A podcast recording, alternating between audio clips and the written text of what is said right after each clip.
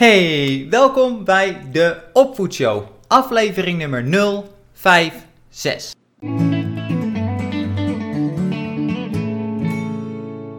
Mijn naam is Basten Alexander. Ik ben orthopedagoog, oftewel opvoeddeskundige en gedragswetenschapper. Tijdens de Opvoedshow bespreek ik verschillende tools en technieken met betrekking tot de opvoeding. En daarnaast nodig ik ook regelmatig andere experts uit om samen dieper op specifieke onderwerpen in te gaan. Ben je er klaar voor? Laten we beginnen.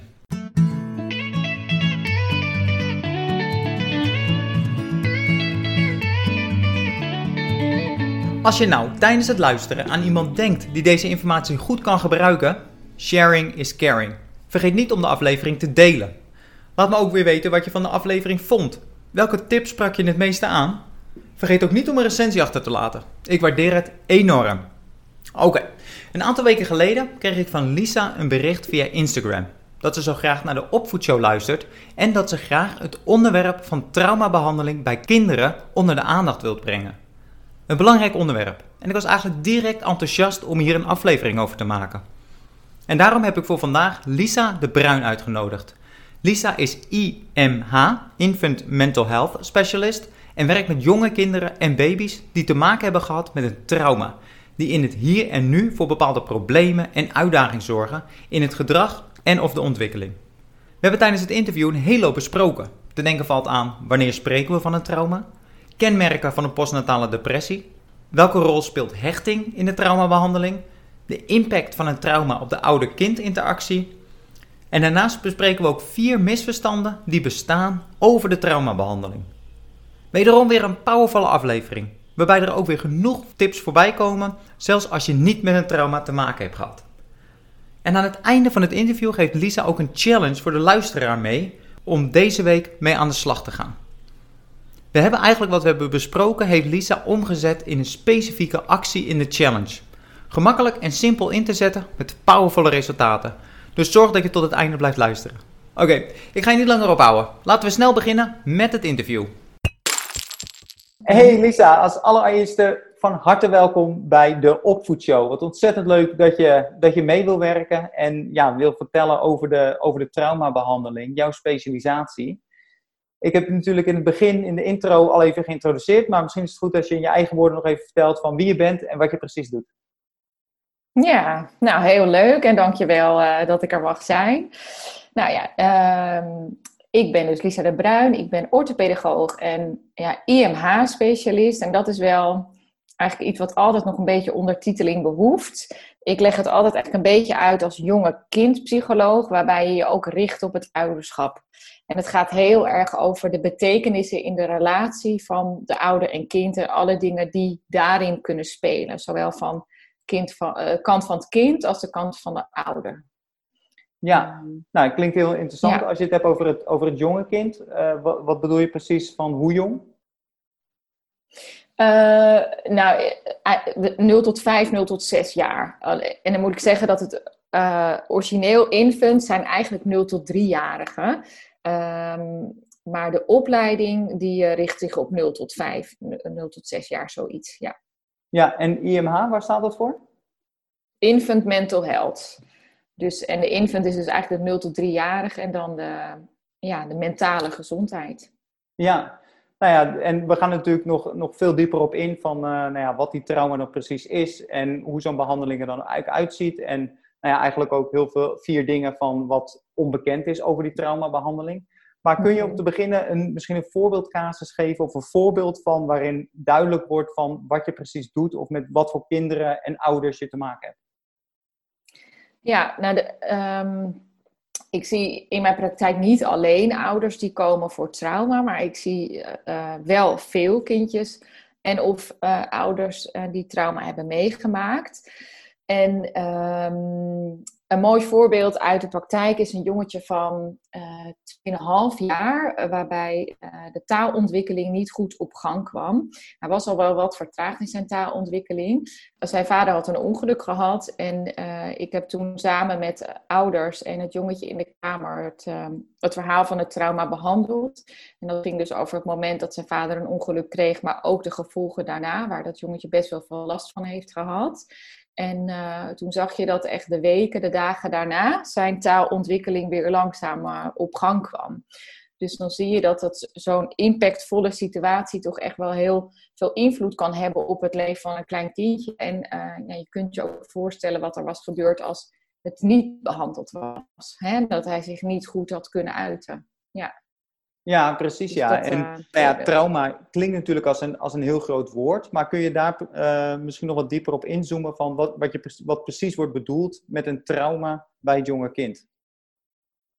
Ja, nou ja, weet je, eigenlijk als je kijkt naar volwassenen, hè, wat, dan, dan hebben we het over, hè, de, trauma gaat eigenlijk in de psychologie over een posttraumatische stressstoornis. En dat, dat kennen heel veel mensen wel. En dat nog het meest van dat je dan als volwassene iets heftigs hebt meegemaakt, waarna je klachten ontwikkelt. En bij volwassenen is dat bijvoorbeeld, uh, zijn dat heel vaak herbelevingen. Dus dat je op bepaalde momenten die beelden weer terugkijkt.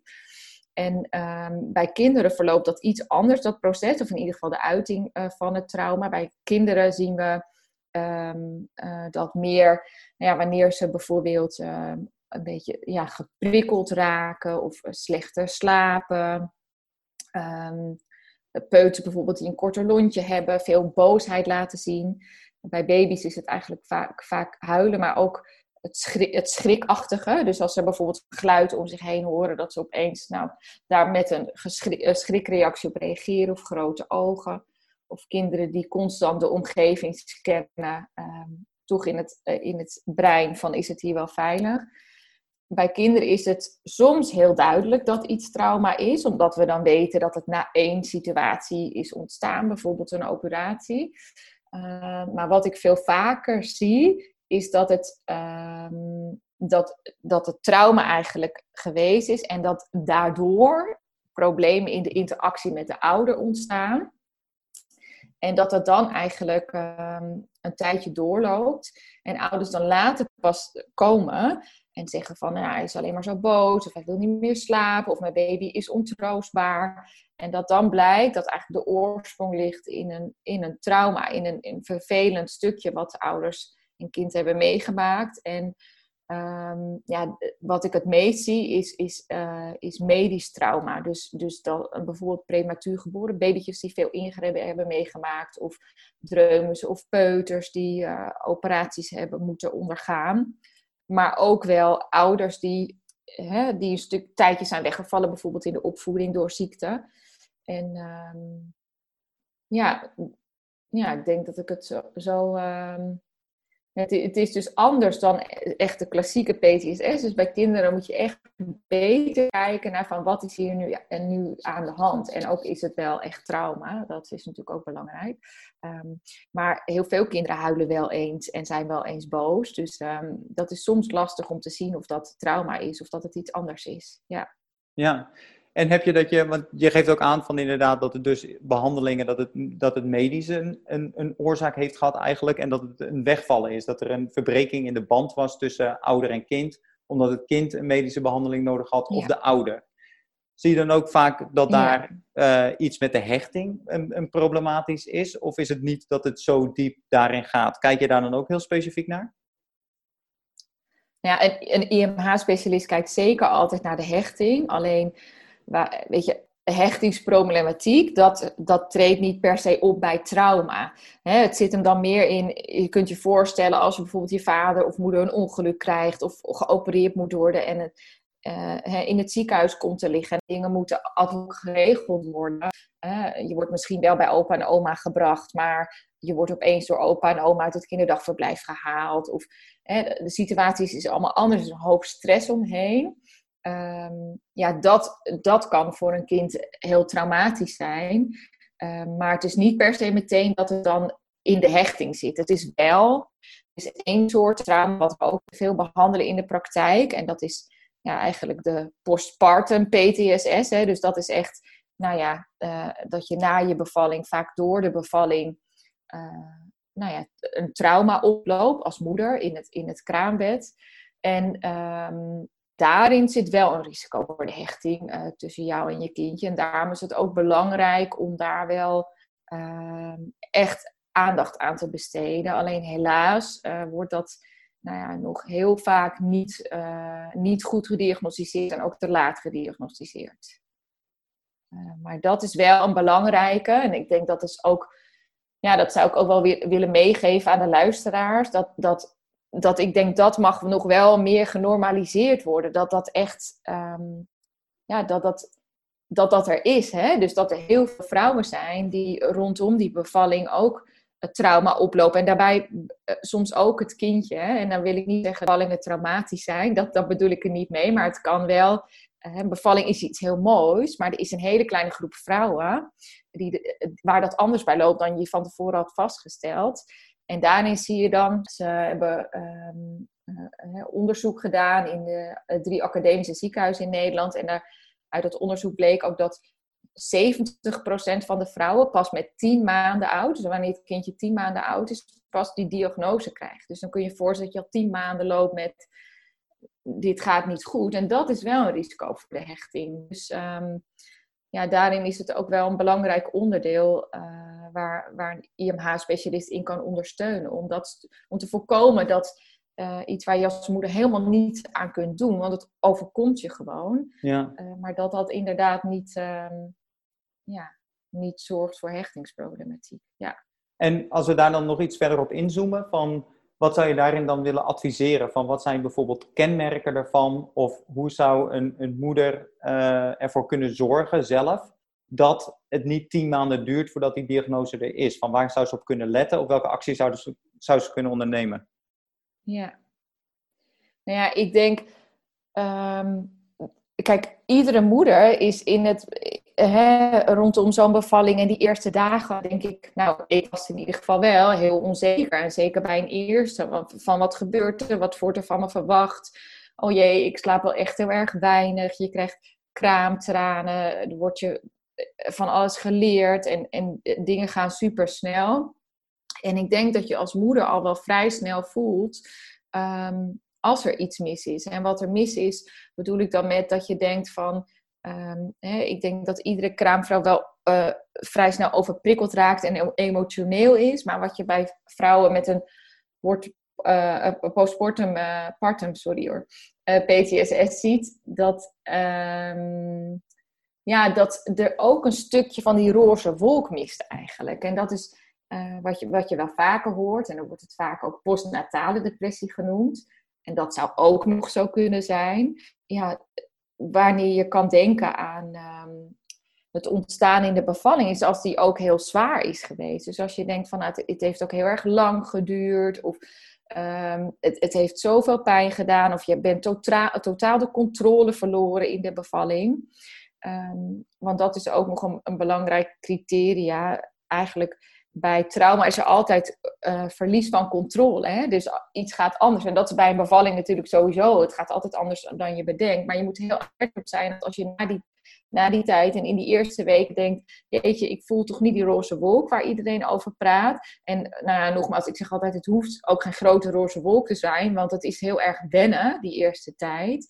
Maar als je denkt, oh, ik kan dat gehuil van mijn babytje niet uitstaan, haal het alsjeblieft even weg, weet je, ik hoef het niet meer te zien. Of als je denkt van de visite, nou neem het, neem het maar mee naar huis. Of je denkt, nou, ik stop nu wel met de borstvoeding, ga, ga maar flesjes geven. Dan hoef ik het in ieder geval niet zelf te doen. Of gedachten als, waarom ben ik hier aan begonnen? En ik wist niet dat het zo, zo zou zijn, het ouderschap. Dat zijn wel signalen om serieus te nemen. Alleen ja, voor mij is het heel normaal om het uit te spreken en te horen. Want ik zie, spreek heel veel moeders die die gevoelens hebben. Maar zelfs bij mij, wanneer ouders in beroepsgeheim dat kunnen uiten, voelen ze zich vaak heel beschaamd. Moeders die zeggen van, uh, ja, ik, ik, ik twijfel wel eens, heb ik geen fout gemaakt? En, um, en ik denk dat dat heel belangrijk is. Dat als ze die gevoelens hebben, dat ze echt contact opnemen met de huisarts of... Um, uh, uh, op zoek gaan naar een, uh, een, een, psycholoog die echt een geregistreerde op, opleiding heeft gedaan en ook EMDR kan doen, die um, erkend is door, de, door de vereniging van EMDR Nederland. Want ik, dat zie je ook nog wel een soort wildgroei in allerlei coaches die kunnen helpen na de bevalling. En ik denk dat dat heel mooi is. Maar als het echt gaat om depressie of PTSS, dan is het wel belangrijk dat je dat goed aanpakt. En um, Ja, ja dus, dus van het zou ik willen zeggen van, ja, neem vooral serieus en ga met iemand bespreken. Bespreek met een vriendin of met je moeder of de buurvrouw van, joh, ik voel dit. Ik vind het heel, heel lastig eigenlijk om te zeggen, maar klopt het wel? Ja, en ik denk ook dat inderdaad een onderdeel van het probleem is van dat het een taboe is, van dat je het niet mag voelen. Het moet een roze wolk zijn, het moet de mooiste tijd van je leven zijn. Dus dat het een hele hoge drempel is om toe te geven dat het niet zo voelt of dat je het niet zo ervaart.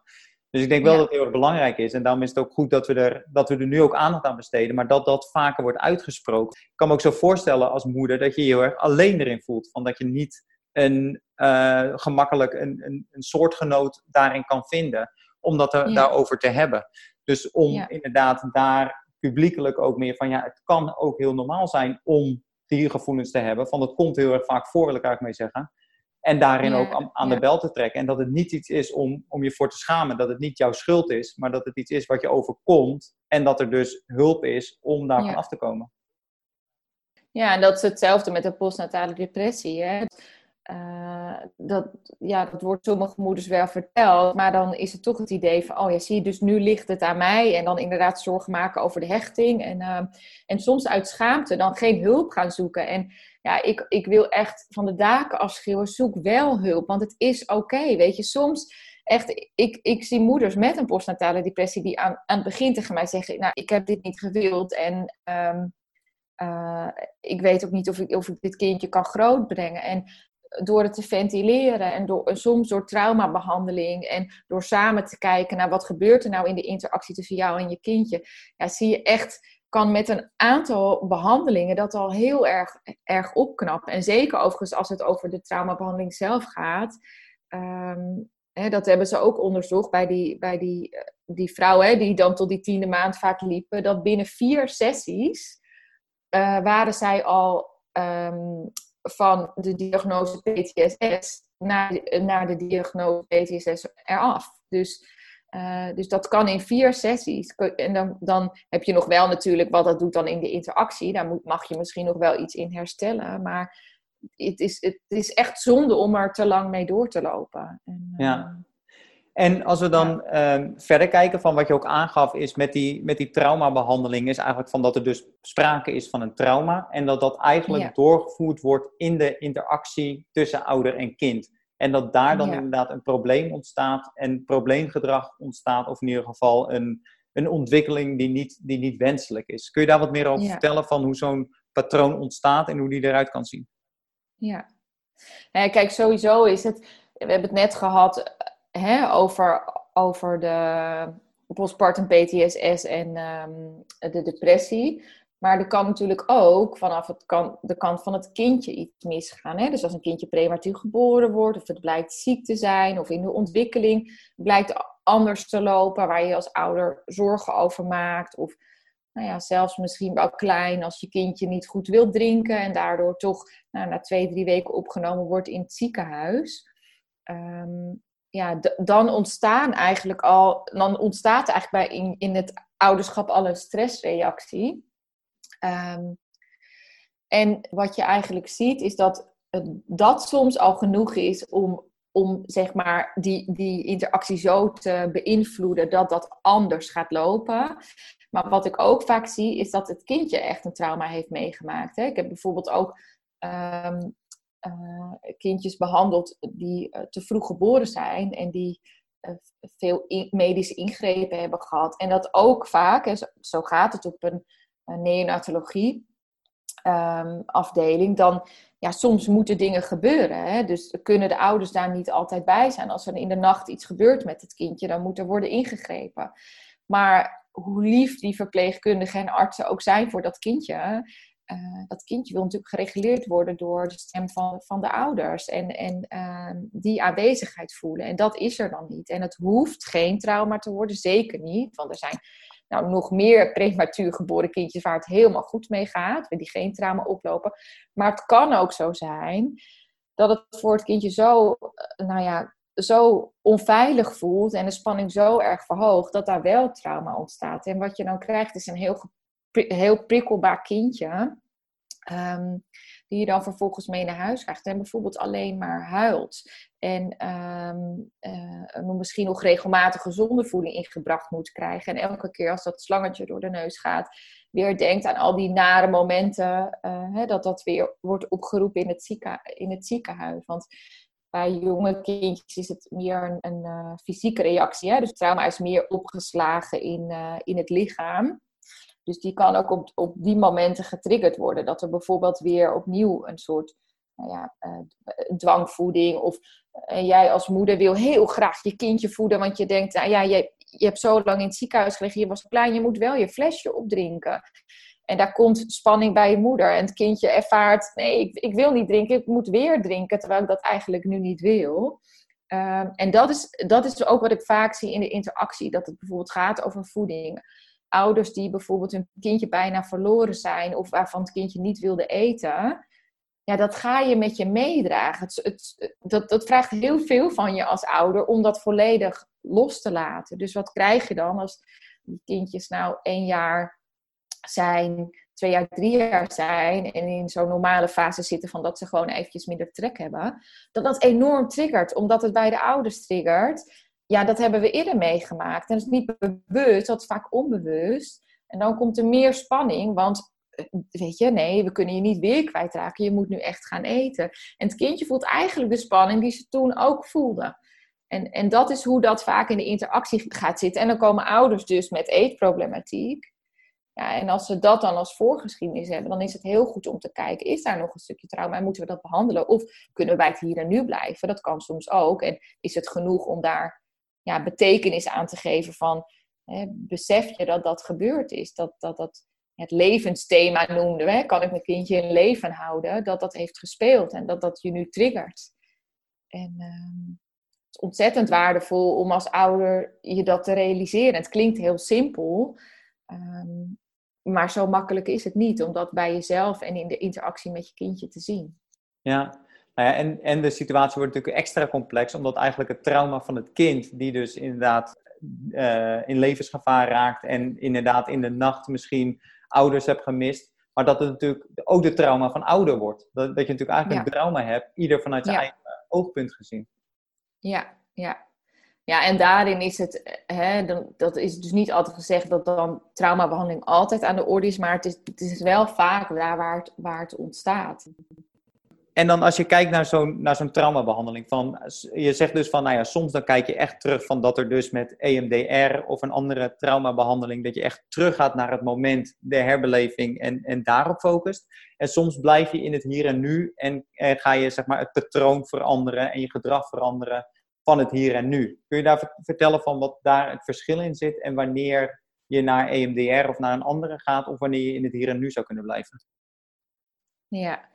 ja, eigenlijk zeggen we bij trauma dat er altijd een verband moet zijn tussen dat wat geweest is, hè, wat we als het, de traumatische ervaring beschouwen, en dat die in het hier en nu klachten moet veroorzaken. Dus eh, soms, zie je bij, eh, soms zie je bij deze kindjes dan uh, gedrag, dat je denkt van dat heeft heel erg met het, uh, hè, wat je nu in het hier en nu zit, heeft heel erg te maken met toen het, toen het trauma ontstond. En dat is bijvoorbeeld, ik heb ook een kindje gehad die in de nacht dan op bepaalde tijden steeds wakker werd.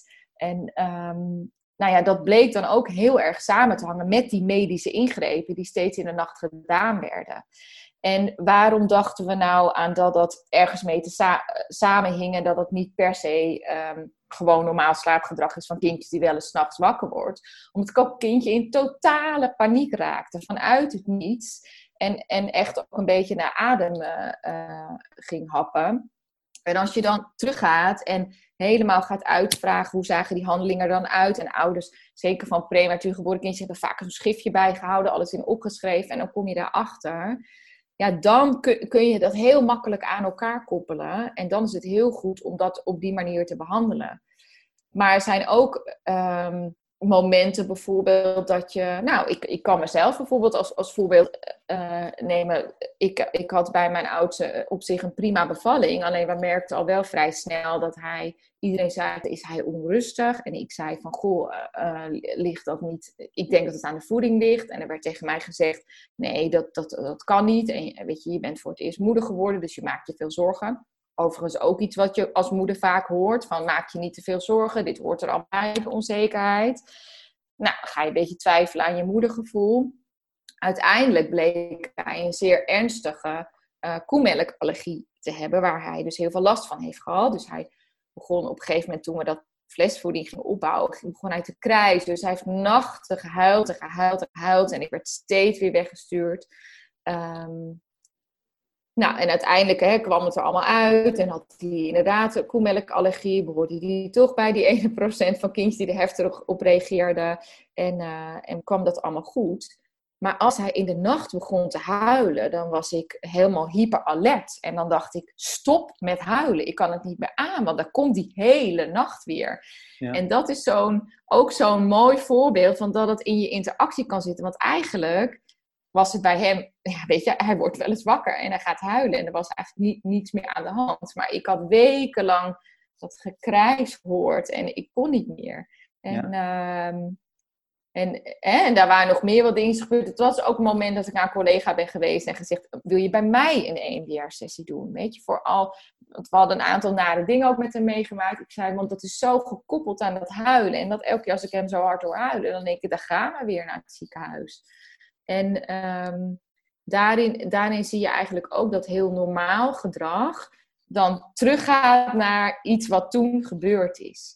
Ja. Maar los daarvan is het ook heel normaal dat als je kindje s'nachts huilt, dat je het vervelend vindt. En dan hebben we een ander gesprek. Dan heb je niet iets meegemaakt of het is niet traumatisch. En dan kunnen we kijken in het hier en nu. Hoe ziet jullie leven eruit? Wat gebeurt er in de interactie? Wat voor profiel zien we bij je kindje? Um, dus dat is een beetje het verschil met van, nou ja, is, is daar iets gebeurd? En dat is dus niet per se altijd een PTSS, maar wel iets wat in je interactie gaat zitten. Ja, en wat eigenlijk ook dus je reactie eigenlijk alleen maar kan verergeren.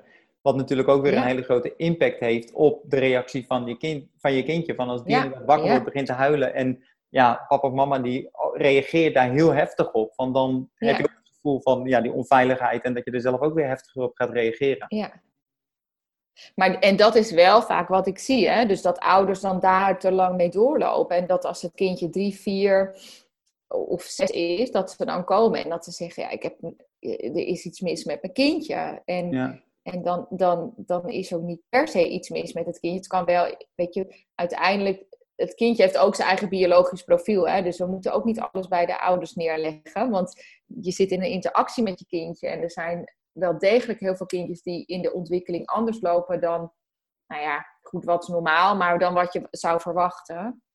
Ehm, maar het is wel belangrijk om, om, om daar iets mee te doen en om, om daarnaar te kijken. Want uh, weet je, als jij er jarenlang mee doorloopt, dan gaan al die kleine dingen. Hè, als ik daarmee had doorgelopen, had ik misschien op een gegeven moment gezegd: Nou, is, hij huilt alleen maar. Maar hij werd misschien alleen maar onrustiger. Inderdaad, om precies wat je zegt, dat ik onrustig werd. En dat ik dacht: Poeh, ehm, ik schoot uit mijn raampje, zoals we dat noemen. Hè? En, uh, en, en doordat ik mezelf heb leren reguleren van oké Lisa, het is oké, weet je, we gaan niet naar het ziekenhuis, we kunnen gewoon hier blijven. Uh, dit is een normaal huiltje en daar heeft EMDR mij wel bij geholpen. Ja. Um, ja, is dat niet in de interactie gaan zitten. Ja. Ja. ja, want wat je zegt inderdaad, van er zijn natuurlijk biologische factoren bij het kind en er kan sprake zijn van een, van een stoornis of een andere ja. uh, maladaptieve ontwikkeling, zeg maar. Maar ja, de reactie van ouder, van inderdaad als dat niet goed gereguleerd wordt, van ondanks dat dan inderdaad die situatie is zoals die is, maar die kan wel heel erg nog een impact hebben op de reactie van ouder. Dus ja. Ehm, ja. het ligt zeker niet altijd alleen maar bij ouders. Maar ik denk wel dat het goed is om daar wel altijd bij stil te staan. Van wat is mijn reactie? Wat voel ik nu? En wat projecteer ik nu op mijn kind daarmee? Ja, ja. Ja, en dat is zeker. Maar het, kijk, het is ook zo. Eh, soms, hè, wanneer die interactie echt al jaren dan anders loopt, en, en waar dat dan ook begonnen is, maakt dan eventjes niet uit, is het super moeilijk om, dat, om het nog bij jezelf te zoeken. Want dan is het echt ik heb alles geprobeerd en het lukt gewoon niet. En dat, dat vind ik altijd wel een mooie uitdaging om met ouders dan te gaan kijken. Nou, laten we eens gaan kijken, hoe is het nou verlopen? En, en wat zien we dan? Wat zie jij zelf? En, ehm, Ja, ik kan me ook zo voorstellen dat daarin ook de uitdaging ligt van het is niet per se dat de ouders iets fout hebben gedaan, maar dat ze gewoon iets gedaan hebben wat niet goed werkt en dat je nu naar een alternatief en dat het voor ouders ook niet zo moet voelen van ik, ik, heb gefaald als ouder of ik heb iets fout gedaan of ik ben niet de ouder voor mijn kind geweest die ik had moeten zijn. Dat daar gewoon inderdaad in de interactie iets is, is misgegaan. En dat je nu zoekt naar een alternatieve manier van die interactie om dat gedrag en uitkomst eigenlijk te veranderen. Ja, en ik denk dat daar nog ook wel een missie ligt in hulpverlenersland om dat we toch hebben, om bijvoorbeeld terug te komen op die postnatale depressie, dat, dat, er, ja, dat, dat er toch wel moeders zijn die dat dan horen, die zich daar heel erg naar en schuldig over voelen, maar daar, niet te veel, daar wordt niet genoeg aandacht aan besteed, aan, waarom dat is ontstaan en waarom ze zich zo voelen en, en dat dat veel vaker voorkomt en dat ze daar echt de juiste begeleiding, want soms zie ik dan wel dat hè, moeders dan zelf bijvoorbeeld naar een psycholoog gaan, maar dat er geen aandacht wordt besteed in Ehm, ja, wat gebeurt er in de interactie met je kindje. En ik denk dat dat juist belangrijk is, want dat is, hè, dat is anders waar je later schuldig om gaat voelen. En het eerste wat ik altijd doe is met ouders samen naar het kindje kijken en kijken van ja, wat gebeurt er tussen jullie? En dan kan ik daar al vaak heel vaak in geruststellen. Ja, ja. Ja, dat herken ik ook wel inderdaad. Dat in het begin dat geruststellen, dat dat heel erg belangrijk is en, en al een ontzettende impact eigenlijk op de, op de situatie kan hebben. Ja. ja. Hey, en we hebben het ook gehad over van uh, dingen waar, waar eigenlijk een misverstand bestaat over de traumabehandeling. En je hebt er uh, vier heb je er beschreven. Misschien kunnen we daar eens naar gaan kijken, van dat je die eens kan benoemen van ja, wat, wat eigenlijk onduidelijk is of waar misverstanden bestaan over traumabehandeling bij kinderen. Ja, ja allereerst, um, traumabehandeling kan dus bij pasgeboren baby's. En um, ik, ik vind dat eigenlijk het belangrijkste om op te noemen. Want ik krijg heel vaak van mensen te horen: ja, maar baby's kunnen niets onthouden. En er zijn ook echt nog kinderartsen die, die daar niet van op de hoogte zijn. Dus het is, dus, ja, weet je, dat wil ik wel echt. Ik heb ook veel moeders die komen en die zeggen: Ja, ik dacht al die tijd al, misschien is het wel een trauma. Maar de mensen om mij heen, of de kinderarts of iemand, die zei: Ja, dat kan niet bij, want, je, want mijn zoontje nog maar zeven maanden of drie maanden. En uh, ja, dat kan wel. Het gaat op een andere manier, maar het kan wel. Dus, dus je mag er echt alert al op zijn bij, uh, bij kleine kindjes. En, uh, en ook dat, uh, dat kunnen we echt uh, prima behandelen. Ja. ja, en kun je, kun je dan nog kort ingaan van hoe dat dan eruit ziet, zeg maar, van als het inderdaad een, een, trauma betreft bij ja, een heel jong kind, van wat, hoe dat er dan uitziet en hoe dat zou gaan? Dan bedoel je echt de methodiek die we gebruiken, toch? Ja, van, van even gevisualiseerd van dat inderdaad, want ik kan me ook, kan me ook heel goed voorstellen dat ouders zoiets hebben van ja, een, een baby die onthoudt nog niet, die weet nog niet dat handen vastzitten aan het lichaam en de, nee. uh, en objectpermanentie en dat soort dingen. Dus van hoe zou dat eruit zien om dat bij een jong kind, bij een jonge baby uh, te doen? Ja, nou ja, om bijvoorbeeld even als voorbeeld te nemen, dat, hè, het kindje, het babytje wat ik behandeld heb, wat heel vaak dus een, um, uh, slangetje in, in zijn neus kreeg, uh, omdat het niet goed groeide. Um, die was uit het ziekenhuis en die had eigenlijk enorme moeite met, met drinken. En die wilde steeds maar niet drinken. En daardoor moest er steeds weer een slangetje ingebracht worden. En het kindje kon ook, want daarom is het ontstaan, in het begin niet goed drinken. Dus er werd van alles gebeurd, honderd andere flesjes. En dan ging het te snel en te langzaam. En ehm, en wat we dan doen is eigenlijk ouders uh, schrijven een verhaal over hoe dat precies is verlopen. En uh, waar het begonnen is. En wat we dan terugzien in het gedrag in het hier en nu. Want die koppeling is dan wel belangrijk. Ja. En dat is bijvoorbeeld, hè, dus op het moment dat het, het flesje in, in, in, in je mond komt, um, dat de baby dan een trigger krijgt. Want bij babytjes is lichamelijk opgeslagen. Oh, daar voel ik weer hè, dat mama toch iets te hard of iets te graag of met iets te veel spanning. Of dat slangetje moet weer worden ingebracht en dat wil ik niet. Um, dat kan dan een trigger zijn en die beschrijf je in dat verhaal. Hè, wat er dan gebeurt, dan maak je de koppeling aan het gedrag in het hier en nu. Dus dat het kindje bijvoorbeeld vreselijk uh, ging, ging krijzen als het gevoed moest worden. En ouders schrijven dat, dat verhaal heel gedetailleerd.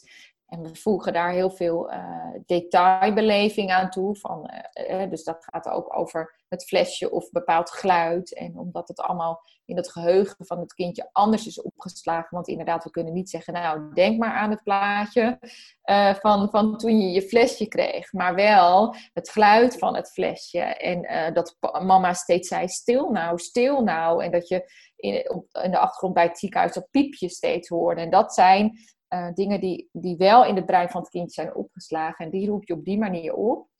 En um, um, bij zeg maar, klassieke EMDR-behandeling doet de therapeut oogbewegingen om het, om het werkgeheugen te belasten. En bij kindjes doen we het eigenlijk door te tappen, dus door tikjes te geven. Dat klinkt super simpel, maar dat is het niet. Want je moet dat heel goed getimed doen. Je moet ook in de gaten houden wanneer eh, het, het, kindje uh, oploopt in spanning. En kinderen laten dat op een hele andere manier zien als volwassenen. Vaak heel subtiel. Dus blikken in hun ogen of ademhaling die versnelt. Uh, hartslag die zich verhoogt, wat je wel kunt zien. En dat is echt een, een, ehm, stressreactie die, die dan plaatsvindt.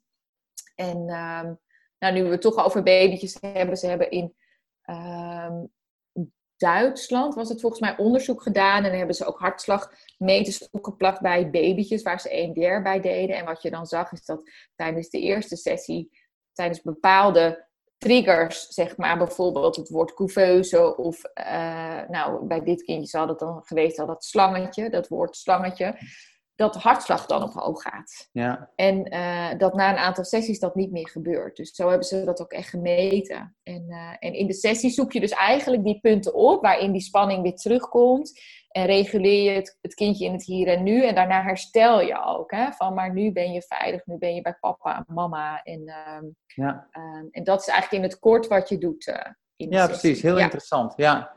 En uh, wat is het tweede punt? Het eerste punt is dus dat eigenlijk bij hele jonge baby's uh, kan starten. En wat is het tweede punt? Ja, nou ja, dat, dat het dus niet is dat, dat, uh, dat wordt soms wel gezegd, ja, baat het niet, dan schaadt het niet. Er moet wel echt die koppeling zijn in het hier en nu. Want ik kan me voorstellen dat alle moeders met huilbaby's nu denken, oh, nou, dan wil ik wel EMDR.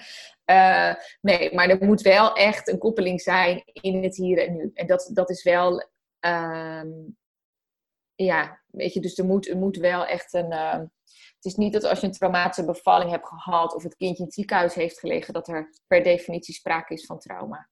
Ja. Ja, ja en, en um, de volgende die daar dan uh, aan vasthangt is wel dat als het er is, dat, uh, dat, dat het niet goed is om daar heel lang mee te wachten. En we in, in Engeland noemen ze het wakeful watching. Dus van, nou, we weten dat er een nare ervaring is geweest en we houden het goed in de gaten. Maar wanneer je merkt dat het in de interactie gaat zitten, dus je denkt, nou weet je, ik kan mezelf niet meer reguleren, mijn kindje kan zichzelf niet meer reguleren, zoek dan alsjeblieft wel hulp. Ga niet, niet te lang wachten. Ja, ja en misschien ook daarbij van, bij twijfel, trek wel aan de bel. Van dat je, dat je het wel benoemt en, en ermee bezig bent en daarin ook hulp van iemand anders kan vragen. En daarin dus zoiets hebben van, nou, uh, bij jullie is het niet het geval. Of, maar dat je daarin wel ja, bij twijfel uh, ja. aan de bel trekt. Ja, en wat je ook in, het, in de tussentijd dan zou kunnen doen. Hè? Want soms is het, zeggen we van, nou, we wachten nog eventjes af. Maar ja. uh, wat we heel belangrijk vinden, is, is praten wel over met je kindje. En als jij denkt van, ja, het begint nu weer zo te huilen, omdat het daaraan moet denken. Nou, benoem het maar van, je vindt het niet fijn hè, als je dat flesje weer in je mond krijgt. Want je moet denken aan dat je toen in het. De, dat voel je weer, dat je toen in het ziekenhuis was. Toen was het ook niet leuk. En dat, dat mogen we echt uh, benoemen, ook naar kleine kindjes. Ja, ja eigenlijk die erkenning van uh, ik snap dat dit, dat dit een vervelend gevoel bij je naar boven brengt. En uh, dat je je daardoor ook ja. vervelend gaat voelen. Ja, ja. Ja, heel interessant. En de, en de vierde? Ja, dat het vaak een kortdurende behandeling is. Want mensen denken, oh, dat wordt dan een ellenlange behandeling. En dan moeten we het heel uh, complex. Maar dat is het niet. Heel vaak is traumabehandeling zowel voor um, ouders als voor kinderen een korte behandeling. Dus hè, wanneer het echt om trauma gaat. Um, nou ja, dat zag je in dat onderzoek. Hè, dat, die, dat die vrouwen dus van die postpartum PTSS met vier sessies al... Uh, nou, dat, dat het verholpen was. En Dan blijft natuurlijk nog wel een tweede ding van wat blijft er dan over. Want zoals ik mezelf net als voorbeeld geef, nou dan heb je daar zelf niet zoveel last meer van. Maar goed, je baby huilt nog steeds. Dus daar moet je dan wel nog iets mee. En kijken van hoe uh, ga ik mezelf daar rustig in voelen. Maar echt de EMDR zelf is, uh, is vaak een kortdurende behandeling. Ja. ja en eigenlijk... Mits het goed wordt uitgevoerd natuurlijk. Ja, precies. Maar, maar eigenlijk ook gewoon om uit de gevarenzone te komen van dat je inderdaad die, um, ja, dat trauma, dat je dat kunt verwerken, een plekje kan geven. En dan inderdaad nieuwe patronen, nieuwe reacties en een nieuwe manier vinden om met het gedrag om te gaan. Maar dat dat dan niet meer zo heftig is, dat die er wel echt vanaf is, dat heftige randje. Ja. Ja.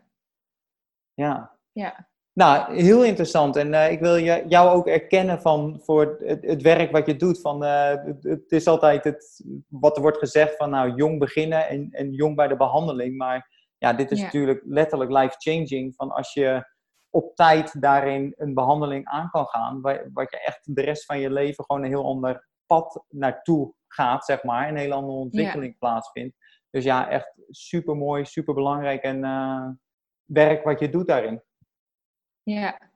Ja, en het is ook, weet je, we weten ook steeds meer over de kwetsbaarheid van dat jonge brein. Je hebt nu overal hè, die eerste duizend dagen. En, en ik denk, ja, ik weet niet, toen ik van mijn oudste beviel, was dat nog geen zo. En nu zie je het overal. En ik ben daar ook heel erg blij mee. Want hè, we weten nu ook dat het, dat het brein zich de eerste vijf jaar zo gigantisch snel ontwikkelt. En um, uh, echt nou ja, bijna tot, tot inhoud van een volwassen brein zich ontwikkelt in die eerste vijf jaar. Dus je kunt je voorstellen, als er in het begin iets gebeurt en dat groeit zo mee, nou ja, letterlijk en figuurlijk in je brein eigenlijk, ja. Dan, dan heeft dat echt, ja, kan dat echt gevolgen hebben. Dus uh, ja, ik vind dat ook heel.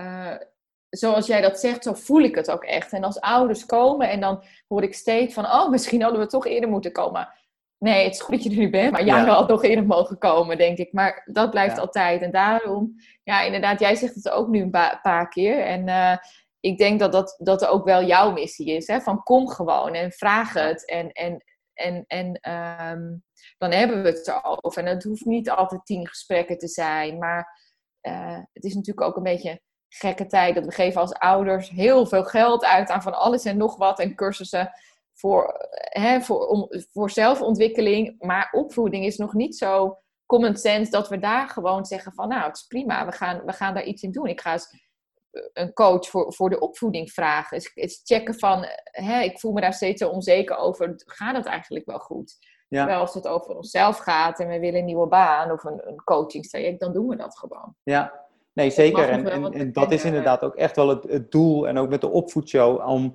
aan de ene kant inderdaad veel eerder en laagdrempeliger te maken om aan de bel te trekken. En aan de andere kant ook ja. om veel meer openheid te geven. Van, om, om die herkenbaarheid te vinden. Van dat het niet altijd ja. maar de Instagram-levens zijn. Van dat het allemaal mooi is, goed is. En dat iedereen ja. de perfecte kinderen. Dat gaat er ook heel vaak om. Van dat, het, dat je altijd de verhalen hoort van je kind is bovengemiddeld in.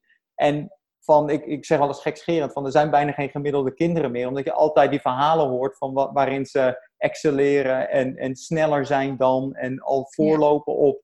En dat je daardoor een bepaalde, ja. ja. als je kind dat niet heeft, of er misschien iets achterloopt, dat helemaal niet erg is, maar dat je daar dan dat vervelende, vervelende gevoel van kan geven. En je kind ook ja. een, een hele onrealistische en ongezonde druk meegeven. Van nou, kom op, schiet op, want uh, ja. Uh, de buurvrouw die, die heeft dat wel al. De, het zoontje van de buurvrouw die kan dat wel al. Dus dat je daarin ook veel meer... Ja. Het maakt niet uit wanneer je leert praten, wanneer je kunt lopen. Want het gaat erom, waar groei je in op? En welke vaardigheden dat avontuur, ja. zeg maar. En niet wanneer je waar precies bent.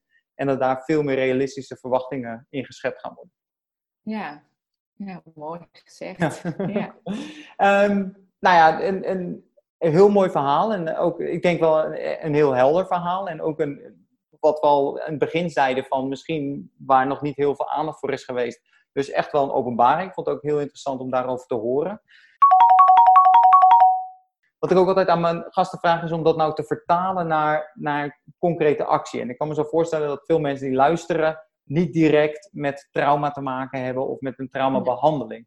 Maar ik kan me wel voorstellen dat wat we hebben besproken, dat elke ouder er iets uit kan halen om de aankomende week, aankomende twee weken, om daarmee aan de slag te gaan. Zou je wat, we, wat, je wat je doet eigenlijk, zou je dat kunnen vertalen in een, in een concrete actie als challenge voor de komende week voor ouders die aan het luisteren zijn?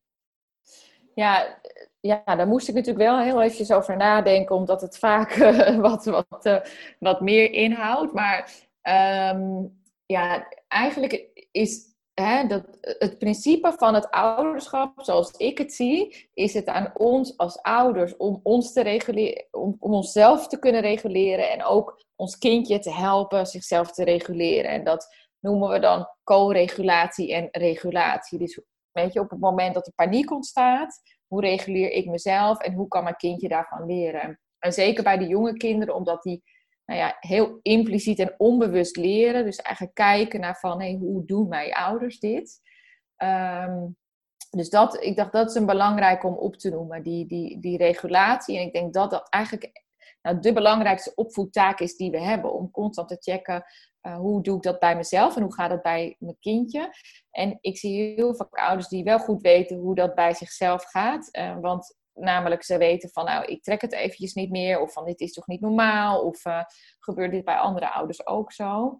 En ik laat ouders ook altijd kijken naar van, op welke momenten gebeurt het nu? En wat, wat doet je kindje? Dus dat ze gaan kijken naar de regulatie van hun kindje. Dus wat ouders kunnen doen de komende dagen is kijken op, op welke momenten wordt mijn kindje boos, blij of verdrietig. Wat doet het dan? En herken ik daar mezelf in, mijn partner in, of doet mijn kindje iets unieks daarin? Wat waarschijnlijk zo is. En wat roept het bij me op? En ik denk, stop, want anders dan voeg ik er te veel aan toe. Um, maar dat je die dingen gaat doen. Dus als dat je gaat inzoomen een stukje op hoe doe ik het en hoe doet mijn kindje het? En nu denken alle ouders, ja, dat weet ik al. Maar dat is niet zo. Dus dat is de challenge, dat je dat echt gaat bekijken. Dat je echt gaat kijken van, in die momenten die niet goed gaan, en, en dat doe je vaak achteraf, van wat gebeurde er nu eigenlijk? Of observeer je kindjes als het een puzzel aan het doen is en het lukt niet. Want dat is ook regulatie. Hè? Um, nou, ik heb niet zoveel geduld. Ik zie mijn zoontje regelmatig die puzzel op de grond gooien. En door hem steeds te gaan observeren, dat doe ik regelmatig, leer ik hem beter kennen. Leer ik ook kennen, hem herkennen van wat gebeurt er nou eigenlijk voordat hij dat stadium bereikt van dat hij die hele puzzel op de grond gooit. Um, ja, dus kijk naar de manier waarop je kindje zichzelf reguleert. Dus ga zitten, ga observeren of ga achteraf bekijken wat gebeurde er nu. Ja, en ik zou daar ook echt aan bij willen toevoegen, want ik vind het echt een hele goede en een hele belangrijke, om dat ook op te schrijven. Dus niet alleen voor jezelf te bedenken, maar dat je ook na een week eens gaat kijken van, nou, wanneer was het, op welke momenten, want daar kan natuurlijk ook een patroon in zitten. En dat je daar zoveel uit haalt om dat opgeschreven te hebben. Dat kan in je telefoon zijn, dat je het even uh, typt, of in een kladblok, of, of wat dan ook, maar dat inderdaad ook echt schriftelijk bijhouden. Ja, ja, en ik denk dan, want ik denk dan altijd als ik dit soort dingen hoor, ja, daar heb ik geen tijd voor. Of van, uh, nou ja, dat weet ik wel. Maar het is echt zo, als je het doet. Ik, ik heb later ook een moeder, die had een tweeling, die zei, ik heb het gedaan. Maar ze zegt, ze zijn gewoon totaal verschillend. Ik dacht dat ze allebei hetzelfde reageerden, maar ze doen echt iets heel anders. En hoe waardevol is het dat je dat opeens ziet? Want je gaat je kind daarna ook anders benaderen. Ja. Dus uh, ja, ik ben benieuwd. Ja, zeker. En ik wil ook echt mensen uh, wil ik, wil ik uitnodigen om het ook terug te koppelen. Dus van wat ik altijd vraag is om een, een, screenshot te maken van de, play, van de podcast player waar je nu aan het luisteren bent. En eigenlijk te beschrijven van hoe die challenge is gegaan. En uh, tag ons daar dan ook in. Uh, van hoe het is gegaan, zodat we daar ook weer op kunnen reageren en daarmee aan de slag kunnen. Ja, leuk. leuk. Ja, nou, ja. Ehm, super. Ehm, als mensen nou hier meer informatie over willen hebben, of die hebben er vragen over, van hoe zouden ze jou kunnen volgen, waar kunnen ze meer informatie erover vinden, waar kunnen we ze naartoe sturen? Ja, nou, ik heb een Instagram, uh, Lisa voor ouder en kind. En een website die hetzelfde heet, lisa. Uh, lisa voor ouder en kind.nl. En um, ja, ik ben ook op Instagram om die laagdrempeligheid te creëren. Want hè, ik heb gewoon een praktijk waarin ik ook ouders zie. Um, maar ik vind het ook heerlijk als ouders gewoon die vraag stellen. En dat is, soms wordt dat uiteindelijk een traject van ouders die denken, hé, hey, maar ook heel vaak kan ik net even iets met ouders bespreken of ze een tip meegeven waardoor ze weer verder, verder kunnen. Dus ik, ik, nodig alle ouders uit om dat te doen. Ik denk dat is ook het mooie van, van Instagram, dat, je, dat, dat het het laagdrempelig maakt. Ja, nee, hele goede inderdaad. En ehm, ja, super. Ik zal er ook voor zorgen dat, uh, dat de link naar, uh, naar je website dat die in de show notes staat, zodat mensen die gemakkelijk kunnen, kunnen vinden. En dan ja. Ja. wil ik je heel erg bedanken voor je, voor je tijd en voor je inzichten. En ja, onwijs veel sterkte en, en succes wensen in, in alle projecten. Ja, dankjewel. Dankjewel. Jij ook. Ja, dat was hem alweer. Het interview met Lisa. Wat een verhelderend verhaal. En wat een belangrijk werk wat Lisa doet. Mijn belangrijkste takeaway was dat je al zo vroeg met de behandeling kunt beginnen. En ook hoe een dergelijke behandeling eruit ziet. Wat was jouw belangrijkste takeaway? Vergeet niet om die challenge op Instagram te zetten. We zouden zo graag van je horen hoe het is gegaan.